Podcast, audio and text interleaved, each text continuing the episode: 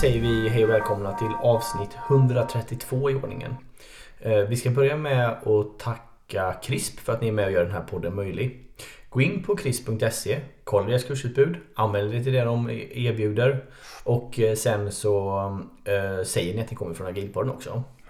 Ytterligare ett tips här det är att till exempel den Leading Complexity som pågår just nu då och mycket annat.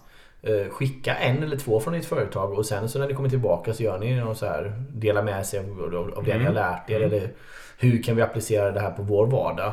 Det gör också att det blir mer prisvärt och jag lovar att om ni går på kurser och så att ni kommer komma tillbaka med många bra idéer och många bra för, förbättringar. Ja.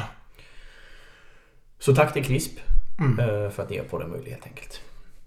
Vi kan säga det i början idag också att vill ni oss någonting, vi får ju en del eh, feedback vilket är fantastiskt roligt. Eh, Så hör gärna gärna av er. Eh, Vi finns på agilpodden gmail.com. Vi finns på Instagram eh, under agilpodden. Mm. Så gå gärna in, ställ frågor, ge feedback eller ge hejarop också för den delen. Det är väldigt roligt att, att, att höra av er. Ibland känns det som att vi sitter här och pratar ut i tomma intet. Men det gör vi inte om man tittar på lyssnarstatistik och inte Nej. heller på såna här föreläsningsförfrågningar och sånt har kommit en del Ja, faktiskt. verkligen. Det är superroligt. Um, Okej. Ska- Vi ska prata lite om portfölj, portföljhantering idag. Ja, precis. Det här är en eh, lyssnarfråga i grunden då. Um, och den var, den var ganska lång och intressant och med en del fakta och sådär. Men uh, man jag försökte sammanfatta den som fråga då. Då går den så här. Hur jobbar man bäst med agila portföljer eller portföljkontor? Och um, då, då är det specifikt efterfrågas den portföljvision och strategiska teman till de här portföljen då. Och just den här lyssnaren som frågar har jobbat i en kontext där man kör safe.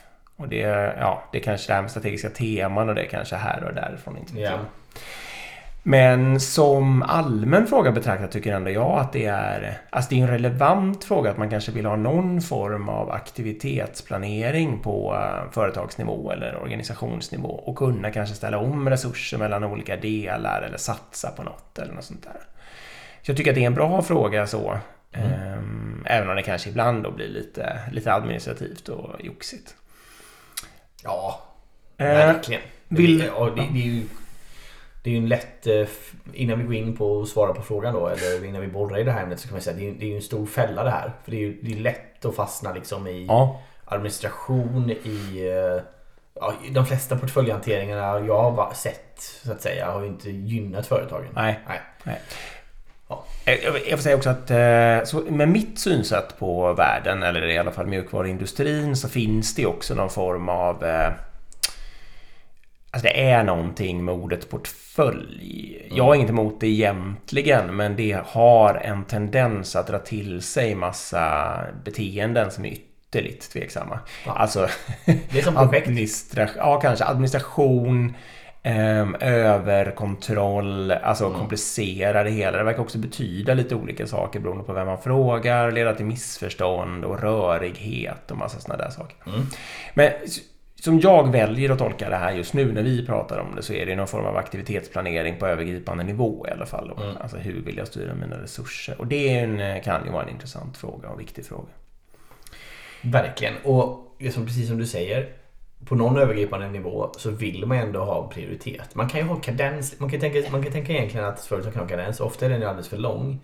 Men om man säger typ, om vi tar ett år till att börja med då. Vilket jag tycker är alldeles för långt. Då skulle man ju kunna göra någon form av så här årsprioritet. Av alla initiativ vi vill göra i år. Alltså det behöver inte vara allt vi jobbar med. Men det, vi kan välja topp 20 initiativ vi ska göra. Det beror på hur stor en organisation är Mm. också. Men låt säga att vi tar topp 20 initiativ vi vill göra i år. De rankar vi efter, alltså 1 till 20 helt enkelt. Mm. Eh, och sen så kanske vi skriver någon så här, ja, i slutet av året så vill vi vara här med initiativ 1, 2, Mm. 3 och så vidare. Och sen då vill man ju på något sätt visa det där för hela organisationen och så säga då att ja, när ni ska prioritera ert arbete här nu så gå efter den här listan ungefär. Och ja, det, Ja. det är väl grundtanken i bästa fall. hur Det Absolut. kan bli, hanteras eller bli. Mm. Jag får bara backa ett snäpp, eller några kanske till och med. För det, blir, det här beror väldigt mycket på vad det är för något. Om man är ett produktbolag, om man är ett enproduktsbolag eller om man kanske är stödjande eller om man är flerproduktsbolag. Och det beror väldigt, väldigt mycket på hur man har valt att organisera sig. Så på något vis är det, man får, måste liksom förstå sina egna förutsättningar som organisation där skulle jag säga. För att för ett alternativ till portföljstyrning kan också vara att organisera om så att man får lokalt autonomt ansvar för olika grejer och inte behöver hålla på så mycket med någon separat portföljstyrning utan att det liksom är själva linjen som styr sig själv lite beroende på hur mycket resurser den får till olika saker och sådär. Men först förstå det. Vad, hur, vad, är, vad är själva naturen i er organisation? Alltså vad har ni för huvuduppdrag? Eh, och sen hur har ni valt att organisera er för det? För då kan det kristallisera ut sig några olika saker. Om man till exempel är ett en eller få-produktsbolag och många människor kan göra, många team liksom kan göra mycket på ett visst initiativ, eller på många initiativ. Eh, då blir det exakt som du säger. Då kan man bara stolpa upp allihopa, mm. eh, prioritera dem och sen kan man ju använda något OKR-aktigt. Eller något sånt där för att styra alltihopa. Eller man kan, ja, och det kallas ju ofta då på företagsnivå kanske för något bett eller något liksom main objective eller något sånt där. Mm. Eh, och då kommer det funka alldeles utmärkt. Men det bygger ju på att många människor kan hjälpa till på den där, vad det nu är för grej som man vill ha gjord liksom. Om man tänker sig fullständigt omvända scenariot, att man jobbar med en stödjande IT till exempel. Ehm, och där varje team bara kan jobba på sin lilla delprodukt. Då funkar inte det där alls. För att om man då kommer och knöka in något nytt då finns ju ingen eller bara jättefå som kan jobba med det. Så det spelar ingen roll att man lägger det som en jättehög prioritet, liksom att initiativet är jätte, jätteviktigt. För det är ändå bara en person eller ett team som har någon chans att göra någonting åt det och då blir det liksom inte prioriterat. Mm. Och då måste man istället då ha förmågan att lära om, alltså flytta människor från en produkt till en annan och att de liksom lär om, tar in ny teknik, kanske till och med tar in nya människor. Exakt. Och så vidare. Och då blir den här så kallade portföljhanteringen genast mycket, mycket svårare. Mm. På något sätt. Och det där är ju extra viktigt nu i tider då man kanske finner det är ju lätt att vi gör en ny sak, alltså rekryterar vi nya människor. Mm. Men nu kanske när man behöver tänka på mer typ intern förflyttning och sånt, då behöver man ju ha det här prioriteten mm. framför sig. Jag ska säga också att jag har faktiskt läst en bok om det här. Den heter. Thinking in Bets. Ja, ja, jag satt och sökte upp den här lite. Mm. Nu när du pratar om det så ringde det en, en, en klocka här då. Och ni som kan pokerhistoria så är det Annie Duke som har skrivit den. Hon är ett gammalt pokerproffs. Coolt. Ja precis och hon har nu blivit eh, ja, en organisationsutvecklare kan man säga. Och då är det just det här för i poker då, nu kommer jag ihåg väldigt lite för det var ganska länge sedan jag läste den här boken. Men i poker så är det ju så att du har liksom en sannolikhet hela tiden. Liksom att okej, okay, jag har bäst hand eh, och den här positionen och andras händer och allting. Det gör att jag just nu har 80% chans att vinna. Alltså gör jag ett bett. Jag satsar mm. mina mm. pengar på att... För, men det kan ju fortfarande bli så att även om jag har 90% chans så kan ju en av tio mm. falla ut så att säga. Och det blir ett dåligt uh, outcome. Precis samma sak om du gör ett dåligt bett. Alltså du kan göra ett, ett katastrofal move som ändå gör att du vinner mm. hela potten liksom. Och hon försöker ta det tankesättet och översätta på uh, verksamheter. Att det, det, viktiga är vad du gör long term. Liksom. Att du hela tiden att du, att du bet, sätter dina bett så att säga mm. rätt strategiskt. Men du får inte göra slutsatsen bara för att vi satsar på det här och det och inte gick bra. Mm. Så ska vi aldrig satsa på det igen. Nej, just det. det är lite den lärdomen. Och precis samma sak om du väljer att satsa på någonting som var riktigt dåligt men som blev bra. Mm. Så ska du också ha den, du ska ha den tanken så att säga. Mm, han det, kanske hade tur helt enkelt. Exakt. Mm. Och tur är en stor bit och det är det i mm. poker och även det är det även i, i verkliga livet så att säga. Så den här boken kan man ju rekommendera om man vill liksom djupa sig in i det här bett-tänket och hur man ska göra. Mm. Och det, då kan man också tänka att om man, om man eh, kallar det för projekt eller bets eller main objective eller vad du nu mm. väljer att kalla det. Så kan man också tänka då i, i, i den här portföljhanteringen så borde man ju också bedöma lite så här, ja, hur mycket chansar vi? Och hur mycket är vi säkra på att det här kommer vara bra liksom. Um, och där kan man vilja ha en balans. Alltså att man vill chansa jättemycket på några saker för man vill vara innovativ och nytänkande. Men man kanske också vill bara fortsätta och mm. Ja, vi mm. kommer komma in på det med, med värde och sånt också. Just det. Mm. Ja, det kan vi göra. Mm. Potentiellt värde. Nej, exakt. Um, just det, var är någonstans? Organisation och vad det är man gör. Så gäller det att förstå sin egen natur och sen så gäller det då att um, om man liksom kanske hör till någon sån här blandläge då, att man har en ganska stor organisation och man har några produkter. Om organisationen då är van att organisera om sig, eller vad man ska säga, om inte det är en stor grej, då kan ju det eh, vara det bästa, att låta portfölj och organisation vara samma sak. Så man hela tiden egentligen, om man vill satsa på nya grejer så skapar man eh, skapar om team, flyttar team eller liksom organiserar om team så att de får det som tydligt uppdrag. Men då gäller det ju lite att ett team kan, liksom, minst ett team ligger på en produkt och på riktigt kan ta ansvar och fokusera på den. Och så gäller det också då lite att folk inte blir livrädda och alltså det är en stor... Man kommer nu att bli? Valt att satsa på det här istället. Om då halva organisationen blir livrädd och all, all psychological safety försvinner då, liksom, då, då går det inte att jobba så utan då måste organisationen vara van vid eh, att man gör så, så att säga. Mm. Eh, men om det går, då är ju det... Jag skulle tro, utan att kunna så jättemycket om dem, jag skulle tro att Google kanske är lite där någonstans på något sätt. Eh, de ofta ser till att organisera sig så att det blir ett jättestarkt produktansvar och det betyder ju också då att om en viss portfölj ökar så ökar väl den delen av organisationen och vice versa då, att något annat kanske minskar. Mm. Eh, om man i alla fall... Ska jag fortsätta? Ja, gör det. Mm. Om man i alla fall vill ha något portföljaktigt sådär separat hanterat portföljaktigt. Då tycker ju då jag att man måste, bör, starkt tycker att man bör fråga sig vad det är för problem som man försöker lösa. Mm. Så att liksom skriva upp det då först. För att som jag säger, att om man inte gör det, då kommer folk komma med sin egen perception av det här med portfölj till det här bordet när man ska prata om det här och det kommer vara olika, det kommer vara lika många sådana uppfattningar som det sitter människor vid bordet. Eh, och det kommer bli kaos och katastrof på något sätt. Och jättekomplicerat. Så att om man kan enas bakom att äh, okej, vi i den här organisationen vill vi kunna, vad det nu kan vara, flytta resurser från ett initiativ till ett annat varje kvartal. Det skulle mm. kunna vara en sån. Det mm. behöver inte vara hur mycket detalj som helst, men några sådana exempel. Eller här vill vi kunna lägga ner initiativ. Eller här vill vi veta vilka bets vi ska satsa på som är affärsmässigt. Eller som vi har råd med till nästa ja, år. Eller som har störst mm. chans att vinna eller något sånt där. Ja, precis, för det kan finnas helt olika syften här. Ja. Det kan ju vara också att man är i en bransch som kräver jättemycket förändring. Ja. Så man måste vara, vi måste vara snabba och det här är vårt sätt att vara det. Mm.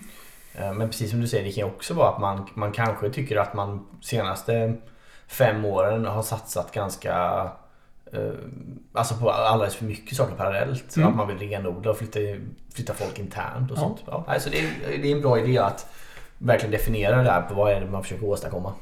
En sak som ofta inte kanske kommer med är ju just det här eh, dra ner mogna produkter. Mm. För det är så himla, det, är någons bebis och man vill inte göra den ledsen och, och sådär utan den får sitta och pyssla med det i all evighet. Men om man har någon sån portföljhantering som på ett respektfullt och bra sätt klarar av att liksom fatta den sortens beslut att ah, men nu börjar den här produkten på riktigt, det blir ingen mer lönsamhet för att vi lägger mer resurser. Och där man liksom kan förklara för de människorna att du ska få göra något annat roligt. Då är det liksom jättebra istället för att vara ett hot då, tycker jag i alla fall. Ja.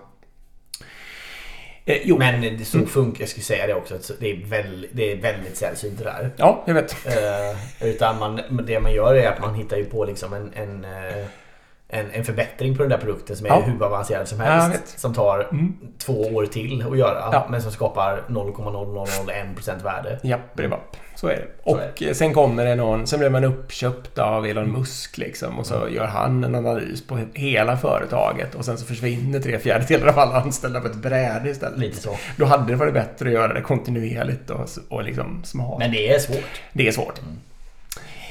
Um, jo, så först frågan varför, vad är det vi vill ha den här portföljhanteringen till? Sen behöver man ju ha, sen skulle jag då säga att bygg prototyper vad ni än gör. Liksom. Köp inte in verktyg och gör inte, digitalisera helst inte ens. Alltså det är klart, jobbar ni digitalt kan ni väl, man kan sitta och rita i något Excel-ark eller något sånt där. Exakt, eller på Excel eller Google Sheet eller någonting. Någonting sånt där Om man nu behöver det. Men helst, gärna ses och göra det här på papper och penna.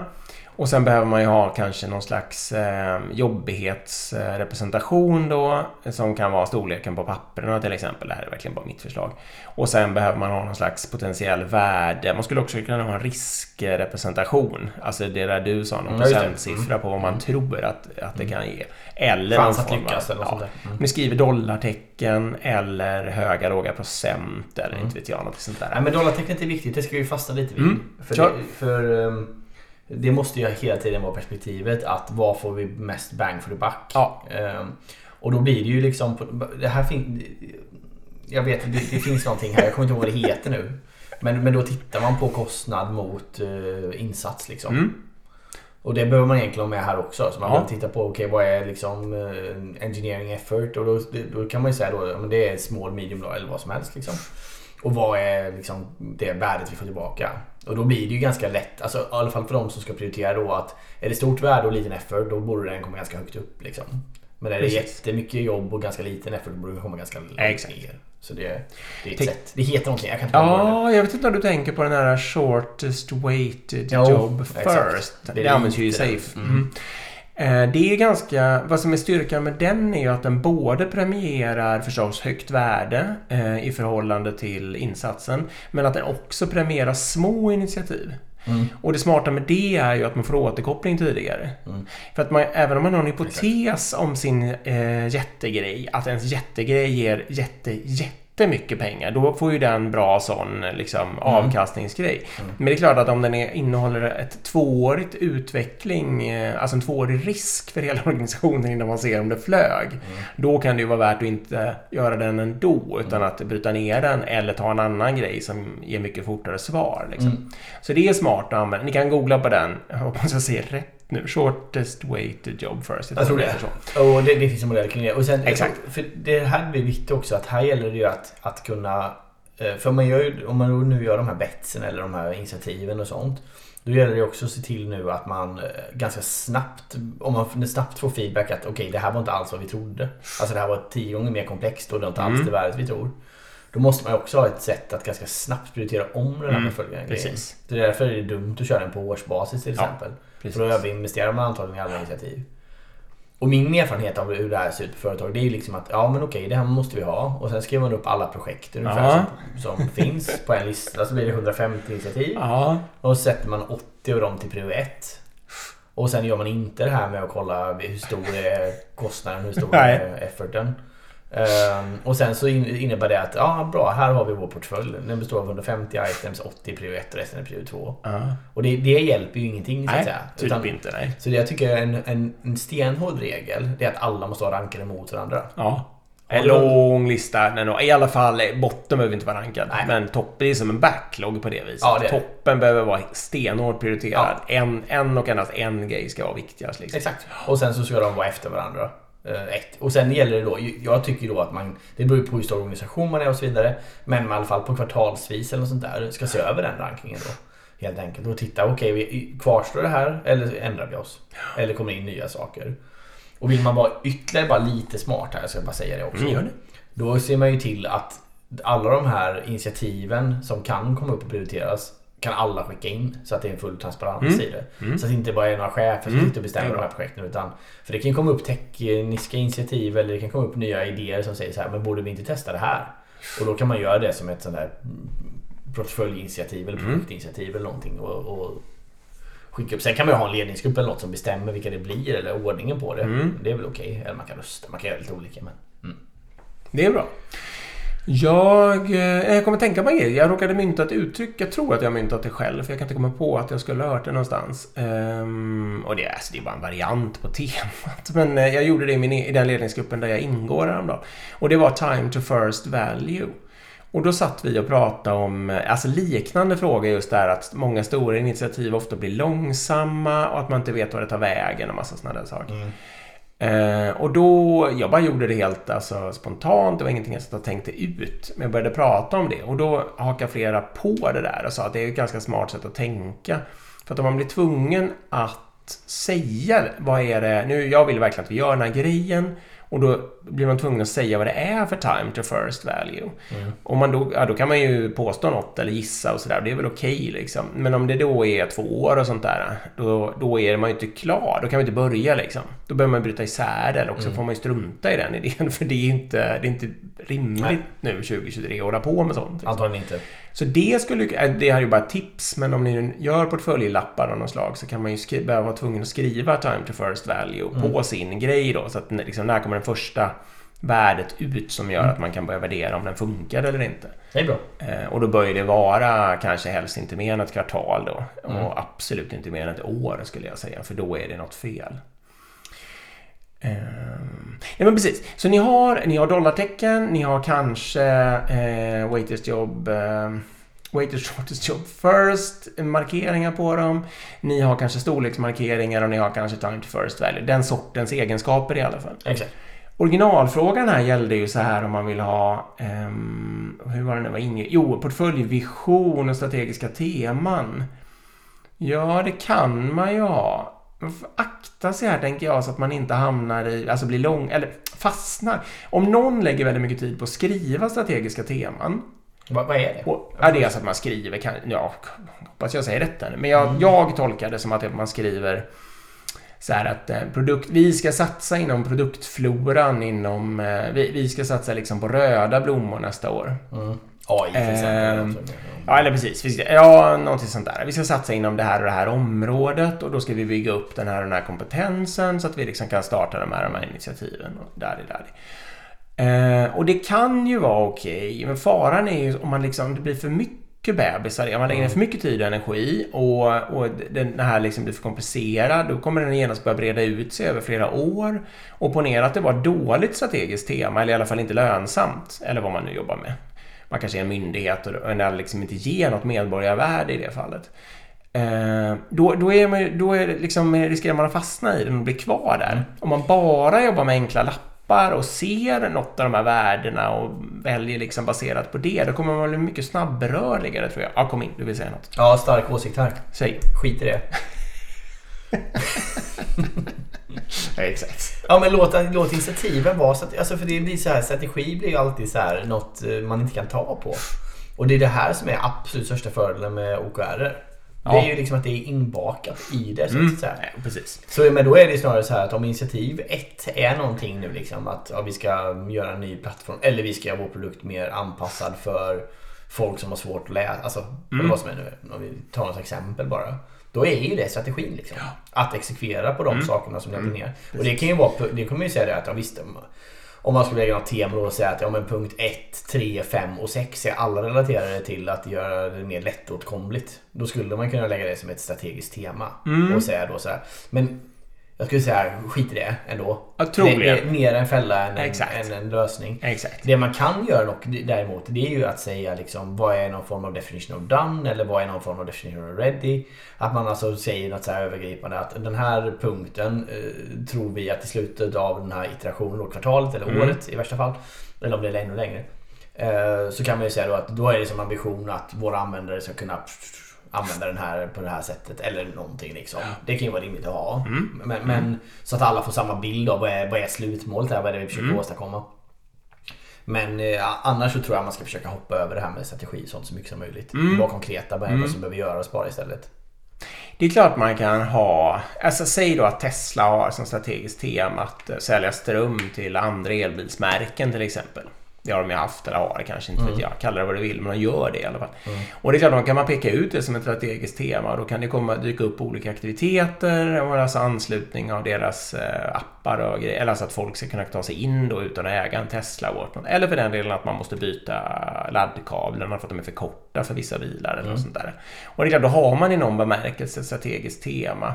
Men tror, jag har ingen aning om hur de jobbar, men eh, jag håller med dig om att då räcker det ju att formulera det som ett objekt. Objektiv är ju då troligtvis att sälja el, tjäna pengar på att sälja el, eller tjäna mm, brand value liksom. Mm. Bli populär genom att sälja el till andra märken. Eh, och sen får alla på företaget bara tänka ut hur de ska bidra till det själva liksom. Mm. Och det behövs inget separat liksom, tema för det egentligen. Det var en annan sak jag tänkte på också, för portföljvision var också en fråga. Jag tror att den underliggande Eh, liksom antagandet är att man har flera portföljer och det kan man kanske ha. Men för jag tänker lite att om man har ett företag eller en organisation så har man ju troligtvis ett syfte och kanske en vision med hela den verksamheten. Och då tror jag det är en fälla att börja stolpa upp något separat för en viss, eller för en portfölj liksom. Blir, Mm. För portföljen ska snarare bara vara ett administrativt eller liksom ett ställe, ett verktyg där man eh, bestämmer vad man ska göra för någonting. Men det ska inte leva ett eget liv som kan börja divergera från den totala organisationens syfte, Nej, mål helst och vision. inte. Nej, exakt. Men det beror på. Är man eh, 100 000 anställda och ju har Alltså typ Dyson som gör handtorkar till dammsugare till fläktar. Alltså Jo. Då, då kanske man måste dela det bolaget på något rimligt sätt för att kunna Absolut. ha det. Ja. Men delar man det verkligen i portfölj? Har man inte några divisioner eller affärsområden eller något sånt där skit ändå? Då har ju ändå de visioner. Ja. Men okej, absolut. Om man har världens mest flexibla företag där man är 100 000 människor och alla kan göra allt. Eh, och Det kommer man inte hända. ändå, nej, det kommer inte hända. Men om man ändå då har valt att dela in det i olika portföljer bara, men i övrigt kan man flytta folk kors och tvärs hur som helst utan att någon chef blir ledsen. Visst, då skulle man kunna sätta visionerna för de här liksom, produktområdena eller vad det nu är i portföljer. Ja, men precis, nu när jag hörde mig själv säga det, troligtvis har man ju produktområden då ändå. Ja. Då har ju ändå de... Ja, Skit i det här också. Skit, ja, skit i det, eller var i alla fall väldigt vaktsamma där så att ni inte, så det inte blir dubbelvisioner. Nej, men, tänk också, hur det, nu är. det är inte här gör. tydlighet och effektivitet Nej. och saker Nej. skapas. Det är inte här Nej. slutanvändarvärde skapas. Via att ni sitter och definierar strategier och visioner. Nej, Det är inte, och det är inte, jag lovar, det är inte många personer som jobbar på företag som vaknar upp i sängen på morgonen och tänker Mitt företag har så jävla bra vision så jag måste gå till jobbet och exekvera. Det funkar inte så. Det är Nej. ingen, det är ingen människa som drivs av det. Nej, Men däremot, vi ska leverera det här s- värdet för våra användare i slutet på kvartalet och det är så här jag kan påverka Mm. det. Och det är prioriterat så här mot de andra initiativen vi håller på att jobba med. Det är motiverande. Mm, nej men absolut. Så fokusera på det och skit i det andra. Och det når ni troligtvis absolut oftast enklast med hjälp av en OKR-approach liksom i någon Till form. exempel. Kan man misstänka. Och sen, jag ska säga det också att om nu Safe säger det att nej men vi måste ha det här. Mm, jag tror kanske att det är så. det borde jag ju skriv en punkt då bara. Alltså, gamea sys- systemet. Det är gjort för det. Alltså det, det, det, det är okej, det lovar jag. Just det.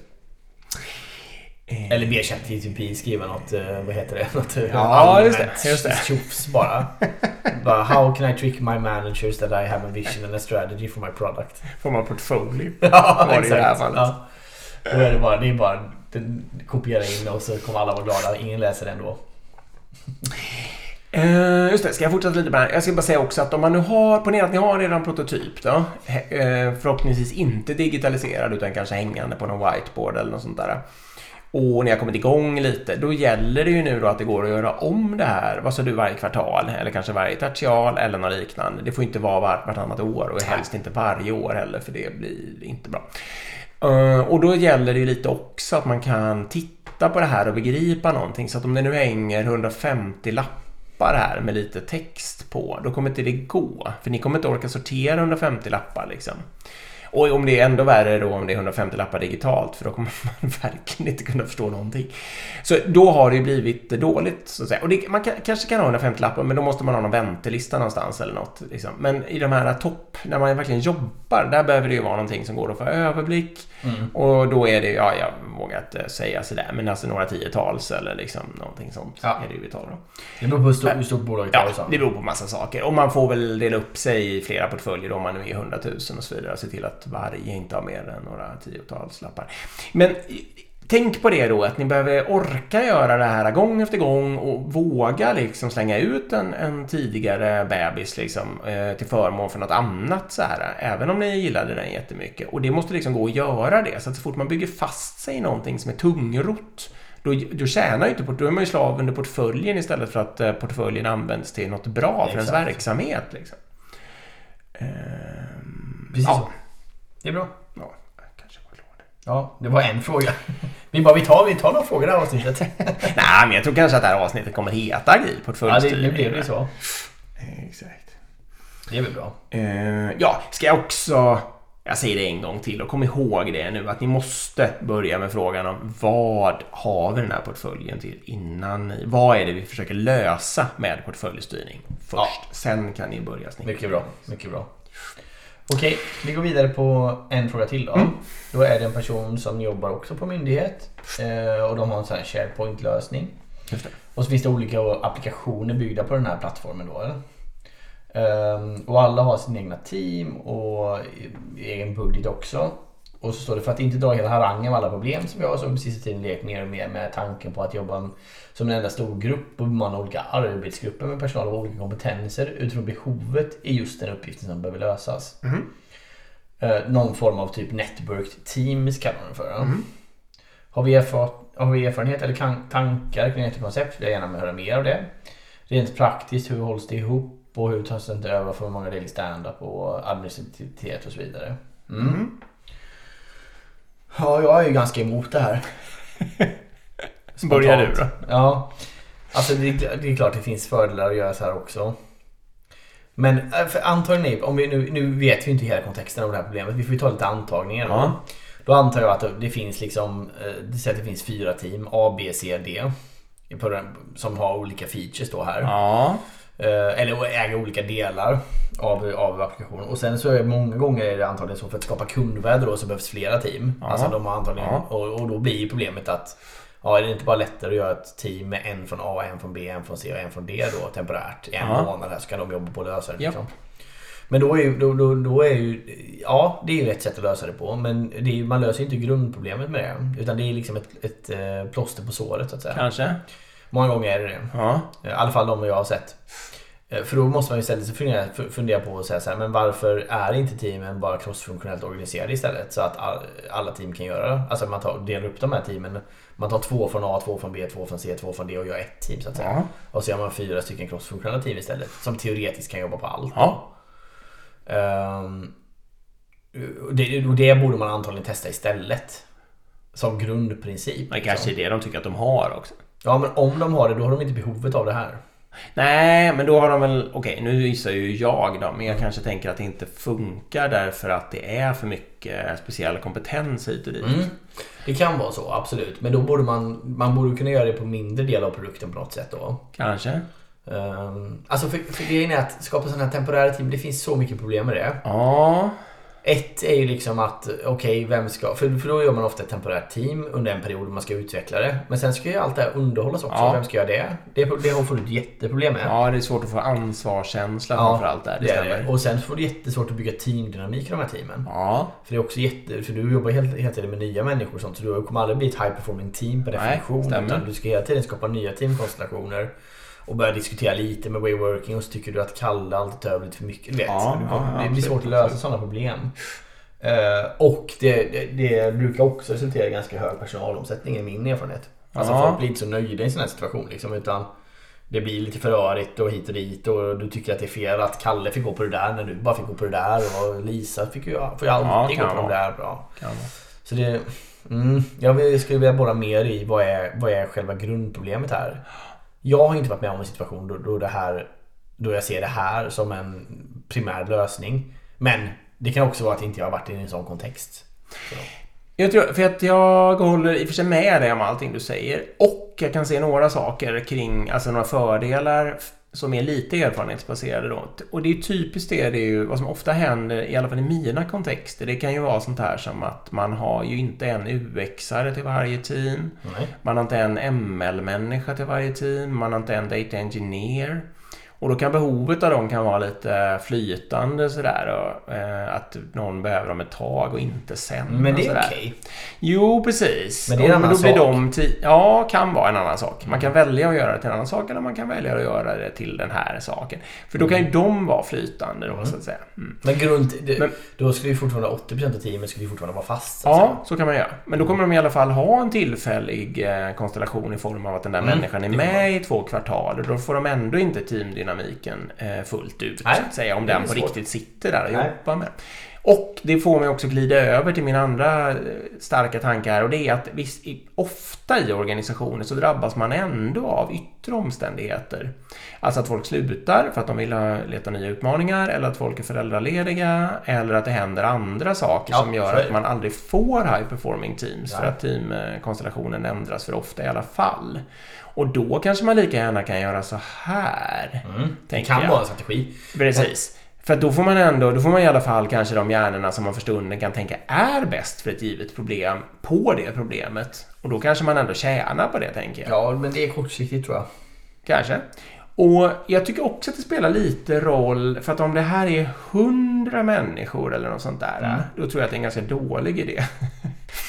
om det här är kanske 18 människor eller något sånt där, då börjar jag kanske tycka att det kan, kan vara en bättre idé. Så att man fortfarande, alla verkligen kan känna alla och prata med alla. Eh, så man liksom kan hålla ihop sig där. Och sen går ju gränsen någonstans däremellan då, men Ehm, ja, det är mina funderingar. Mm. Jag är skeptisk. Ja, jo, det var vi. Ehm, Men det är för att jag inte... Jag har, jag har sett folk försöka med det här på ganska stor skala och jag har aldrig sett det fungera. Jag tror... Sen, sen jag ska säga det här också. Det kan vara okej. alltså för det kan vara så att det dyker upp vissa initiativ som är så här. Det här kommer inte make sense att ha ett team. Det, det, kommer, Nej. det går över alla team och sånt. Absolut. Och då kan man göra en, en sån här tillfällig, Ja. tillfällig team där man lånar in lite folk från olika team och gör ett tillfälligt team under en kort period. Och sen så får man lösa hur gör vi med ägandefrågan och hur löser vi det här på sikt. Liksom. Absolut. Men det ska ju vara ett eh, undantag snarare än regel Mm. att göra så. Det, det kan du göra i unika fall. Det har jag varit med och det gör vi, det gör vi i, på mitt jobb också. Att man ibland tar sådana lösningar men det, det, då ska det vara ett väldigt unikt fall. Där man kan motivera det och man är medveten om kostnaden. Det kan också vara utvecklande för, ja, men det kan vara tråkigt att sitta i samma team i 20 år också. Så det, kan vara, så det kan vara bra sätt att ha lite sådana team ibland. Men jag skulle säga att det, det, man ska göra det verkligen i undantagsfall och inte ha det som... Jag skulle ver, verkligen, verkligen vara skeptisk till att ha det som en huvudmetod. Jag tror också att du och jag är lite bortskämda med att vi ofta har jobbat på um, alltså, i, i anslutning till starka långsiktiga produkter. Mm. Det här var ju SharePoint-lösningar. Jag föreställer mig att de kanske är lite kortsiktigare och lite fler och kräver lite mindre underhåll. Mm. Så jag tänker att det kanske behövs mer tricks och fix liksom helt enkelt. Nej, det, Så, ja. det är som du säger, kontexten beror ju helt här. Verkligen. Det, det, får vi, den brasklappen kan vi lägga nu efter 132 avsnitt. Att vi vet ju långt ifrån allt. Vi har ju fått feedback på att vi är ganska fokuserade på systemutveckling. Men det är ju för att du och jag alltid har arbetat med det mer eller mindre. Jo. Jag har aldrig varit chef för något eh, annat Nej. än just systemutveckling. Eh, Alltså typ då förvaltning eller support eller något sånt där. Ehm, Så, så det gör ju att vi är ju biased i det här. Ja. Och som du säger, vi jobbar med ganska stora produkter som finns Ja. över ganska lång tid. Exakt. Eh, Och vi jobbar ganska lite med liksom, att gå in och bara göra små förändringar Ja. i olika system. Så absolut, vi, vi, eh, vi, ibland hamnar vi utanför vårt kompetensområde. Mm. Nej, så frågan, den, den eh, exakta frågan var ju, har, ni erfarenheter eller tankar kring detta koncept? Och svaret Ta- var ju då tankar mycket tankar, ingen erfarenhet. För att vara fullständigt ärlig. Ja. Gör det inte min starka tanke utan någon som helst erfarenhet. Du hade en snygg eh, övergång där till sista frågan. Va? För att ehm, för i sista frågan är just det här, eh, har vi eh, eh, någon erfarenhet eller verksamhetsperspektiv från att använda en agil kultur till andra saker än utveckling eller mjukvaruutveckling? Mm. Ja, det blir en bra övergång. Det är ofta exempel från just programmerare och prat om kodrader och dylikt. Vore intressant att bredda med andra exempel. Och den här personen sitter då inom era driftsorganisation eller något sånt där kring IT. Eh, där det inte är någon utveckling eller programmering och de försöker göra en agil resa. Och det är mycket utmaningar. Eh, Prata om kodrader, vi får hålla igen på det. det gör vi inte så mycket. Ja, det kanske vi gör. Du, har, du lyssnar eller har tolkningsföreträde. Ehm, Ja, verkligen. Jo, så, vi tänkte... Vi, vi, där, vi har ju inte erfarenhet av det då. Och vi har ju ändå sett lite saker och vi har lite tankar och sådär. Och provat. Vi har ju stöttat andra organisationer och så också. Mm. Så vi ska försöka beröra det lite, men återigen med brasklappen att vi inte är supererfarna. Ehm, ja, Nej, precis. men Jag skulle säga det. Jag sitter i styrelsen för ett HR-bolag. just Till det. exempel. Det är sant. Så lite erfarenhet har vi. Det är Av sant. hur man kan applicera agila tankar utanför. Ehm, ja, vad vill du börja? Ska vi börja med HR? Vi kan börja med HR. Mm, börjar du med HR? Okej, om jag ska börja med HR, det är nog bra att jag gör det. För då skulle jag säga att grundfrågan där är... Det är alltid min grundfråga. Vad är det? Hur är ni organiserade? För att här finns ju... Möjligheten i teorin finns ju att organisera HR lokalt nämligen.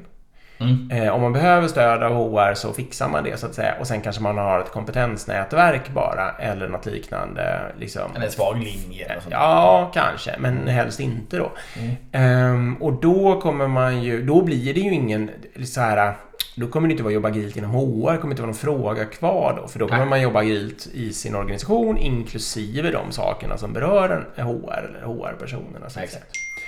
Men väldigt, väldigt ofta så är det ju inte så då. Utan då är det ju HR centralt organiserade. Det är en slags stab helt enkelt.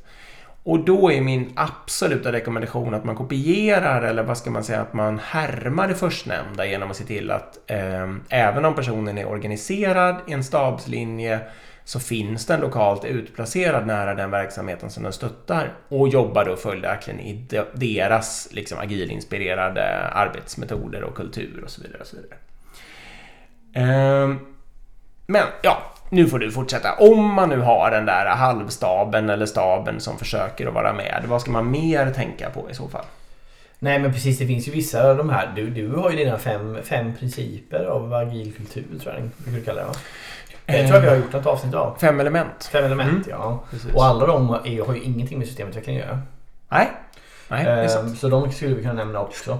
Men, men det, det kan ju bara, bara det handla om att till exempel ha, ha en, en daily stand-up i en ledningsgrupp till exempel som kanske inte håller på med systemutveckling eller ett HR-team. Ja. Det kommer ju antagligen börja ge mycket mer samhörighet och effekt och Mm. mm. samsyn och prioritet och liksom sådana saker.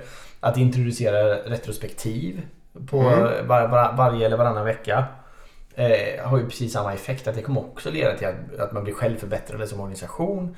Och det kommer leda till massor med bra saker. Att prioritera en backlog kommer också vara smart att göra oberoende av vad du jobbar med. Mm.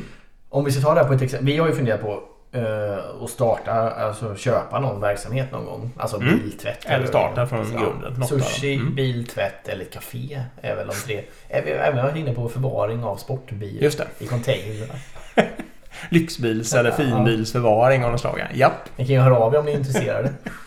Um, ja men precis. Och, men, alltså vår café-idé här då, då. Det här är liksom applicering av lean, agile kanban på något sätt. Liksom. Ja. Men vår hårda idé, det är ju liksom att köpa en helt oinredd lokal. Alltså det är bara tänk betong liksom. Ja. Och sen det enda vi har, det är en, en kaffemaskin och möjligheten att köpa en kaffe för 20 kronor. Ja. Inget annat. Ja. Men på vägen ut så får du sätta en lapp vad du önskar som nästa feature. Ja. Och sen så får varje person sätta en röst då liksom på den. Så det blir en backlog på vägen ut och sen så får... Och då kanske det blir då att nej, men vi vill ha mjölk till kaffet. Ja. Ja, det, det kanske kommer komma ganska högt. Ja, då nästa vecka så finns det det. Precis. Så då finns det två saker. Och så, vi, och så itererar vi oss fram sådär tills att vi har ett café som är helt kunddrivet. Ja. Och då får man helt enkelt ha, alltså, till slut så får man väl börja köra en in en ut och sådär. Eh, Men det är ju vår hårda idé på att starta ett riktigt Ja. liksom, agilt café. Och det är ju just den tanken kan du ta och applicera på vilken verksamhet som helst. Alltså på förskolor eller på skolor Ja. eller på vad liksom. Ja. Så, så det är ju också ett sätt att liksom... har vi, skrivit, vi, har skrivit, vi har skrivit en bok om det här Just det. också. Där man, hur, alltså hur man kan ta många av de här agila metoderna eller principerna eller tankesätten att, och applicera dem på vilken verksamhet som helst. Ja. Ja, får jag fortsätta på den där... Eh, eh vad heter det? Styrkan i kaféidén är ju för sig att ingen har ett behov. Man kan börja på noll därför att ingen har ett eh, superbehov så att säga. Utan man kan, eh, man kan bara liksom ta det bara från, från ingenting till högre och högre höjder därför att det liksom är en gemensam resa. Det kanske inte funkar på dagis på samma sätt tänker jag. För där finns det ett basbehov innan man ens kan ta emot det första barnet kanske. Ehm, och visionen med det tror jag är att det skulle vara världens bästa café. Ja, det tror jag också. Det kanske vi inte har uttalat, men jag tror, jag tror att det är det. Jo men det, alltså, eh, att bara eh, att inte, det som förvånar mig dagligen. Jag gillar ju att vara på café och jobba och sånt där. Det är att det är så otroligt lite kunddrivet. Ja, Det är, nej, det är ingen sant. feedback. Man får, man liksom, jag menar, man, de har skitäckliga kakor. Ja. Och de, det, det bryr de sig inte om. Nej. Utan det är samma kaka i sju år. Ja, Och den smakar skit liksom. Och det behöver de ju få veta. De behöver ju fråga. Var, var den god kakan? Nej, inte speciellt. Nej, okej. Så Kanske vi ska... Intressant. Kanske vi ska göra något annat liksom. Eller liksom vissa har att mjölken aldrig är alldeles för varm. Du vet, det finns vissa sådana grejer som ofta finns grejer jag stör på. Och så finns det inget sätt att, att ge den feedbacken. Det är otroligt. Det är ju det som byggde den här idén med kaféet. Mm. Ni får ju höra av er. Kommer ni på kaféet eller inte? ja det kan jag beskriva för. Ja. Jag vet inte om jag törs ta det här i huvudet nu, men du nämnde ju nämligen nästan alla dem. För det är faktiskt, när jag lär ut agila grunder, då brukar jag påstå att om man har fem element på plats, då har man börjat en agil, eh, och bygg, ett agilt kulturbygge kan man säga. Eh, och så ser man kan dem nu då, men de är ju helt enkelt att man har en eh, äkta prioritet, så man har lyckats hitta något sätt att göra så att en sak är eh, viktigast. Det kopplar ju fint till första ämnet. Ja. Eh, att man har ehm, eh, en tät återkopplingsloop. Den funkar ju, den, eh, du skulle ju ha varje dag eller varje vecka eller vad det var på kaféet. Men alltså, det får inte vara ett år och sådär innan man liksom får reda på vad folk tycker. Mm. Att man har eh, ett teambaserat arbete. Ja, caféet är kanske egentligen vart lincafé också. Då kanske man inte behöver ha teambaserat arbete. Men om man hade någon förskola eller något sånt där och ville ha den agil så skulle man nog ha Jag tror teambaserat man får arbete. tänka att man ska skala det här kaféet sen till sju andra städer och så. Ja, då, då- kan man ju prata ja, teamarbete. Mm.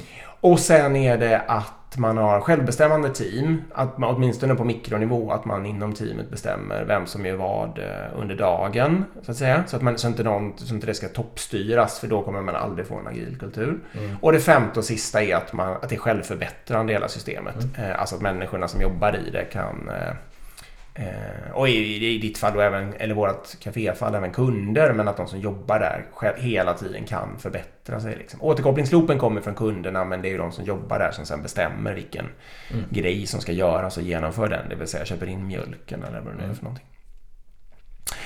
Ehm, ja men precis, så det det är ju kanske ett grundrecept på agilt utanför mjukvaruutveckling som ni kan ta till precis vad som helst som, Ja. ni, som ni känner för. Absolut. Um, törs jag säga någon liten mer grej? Jo, men jag, jag vill bara säga det för jag har tänkt mycket på det. För mina kollegor som jobbar med till exempel End User Productivity eller Infra. Mm. ehm, jag pratat mycket med dem om det här och det är ju en grej som man behöver förstå tycker jag är att om man har ett komplext problem, det är då man kanske vill applicera en agil kultur. Om man har någon slags flöde fysiskt, då kanske man vill ha någon slags lean-kultur Ja, Kanban kanbanstil på alltihopa så att säga. Och de är väldigt, väldigt snarlika men det är i alla fall viktigt att förstå det, vad det är man gör. Um, och för då blir det lite andra saker som blir eh, mest avgörande, typiskt då visualisering och mäta ledtid och lite sådana där saker. Um, om man kör någon kanban-aktigt. Och det är väl ofta då, om ni, om ni är på de här andra, på IT fast utanför systemutveckling, så är det ofta många sådana flöden. Det är ofta beställningsflöden eller att någonting ska hända och sådär. Mm. Eh, Ett sista tips då. Skit i Scrum. Ja, det är klassiskt då- misstag. Exakt. Vi är på HR, nu ska vi köra sprintar. Ja, Man bara, nej. make inte sense. Exakt. Liksom. Nej, för Scrum är ju mycket för att lösa de komplexa problemen som uppstår i, eh, i mjukvaru. Ja, det är en metod för att göra mjukvaruutveckling. Applicera inte det på fotbollsträningar eller på något annat. Nej. Ta med principerna och kulturbitarna. Vissa metoder. Men, men skit i Scrum, för det ser jag ofta att man försöker göra. Liksom. Jag håller med dig. En annan fälla som jag känner till, och den- jag har inget superrecept på hur man löser med den här, men det är att de andra avdelningarna är väldigt, väldigt ofta strikt kompetensorganiserade. Och det vet man ju om man kommer från mjukvaruutveckling, att det är liksom fälla nummer ett A på något sätt. Att man har alla som kan en viss sak tight med varandra och att man sen ska jobba med beställningar och skit mellan olika sådana där grupper. Då kommer det bli problem. Mm. Så att om ni vill jobba med agilt utanför mjukvaruutveckling och märker att ni har en väldigt sån specialistorganiserad organisation, eh, då är det kanske där ni ska börja. Mm. Och det kan ju vara, man behöver inte säga att alla ska byta chef och sådär. Det kan vara tillfälliga team eller någon form av, inte vet jag.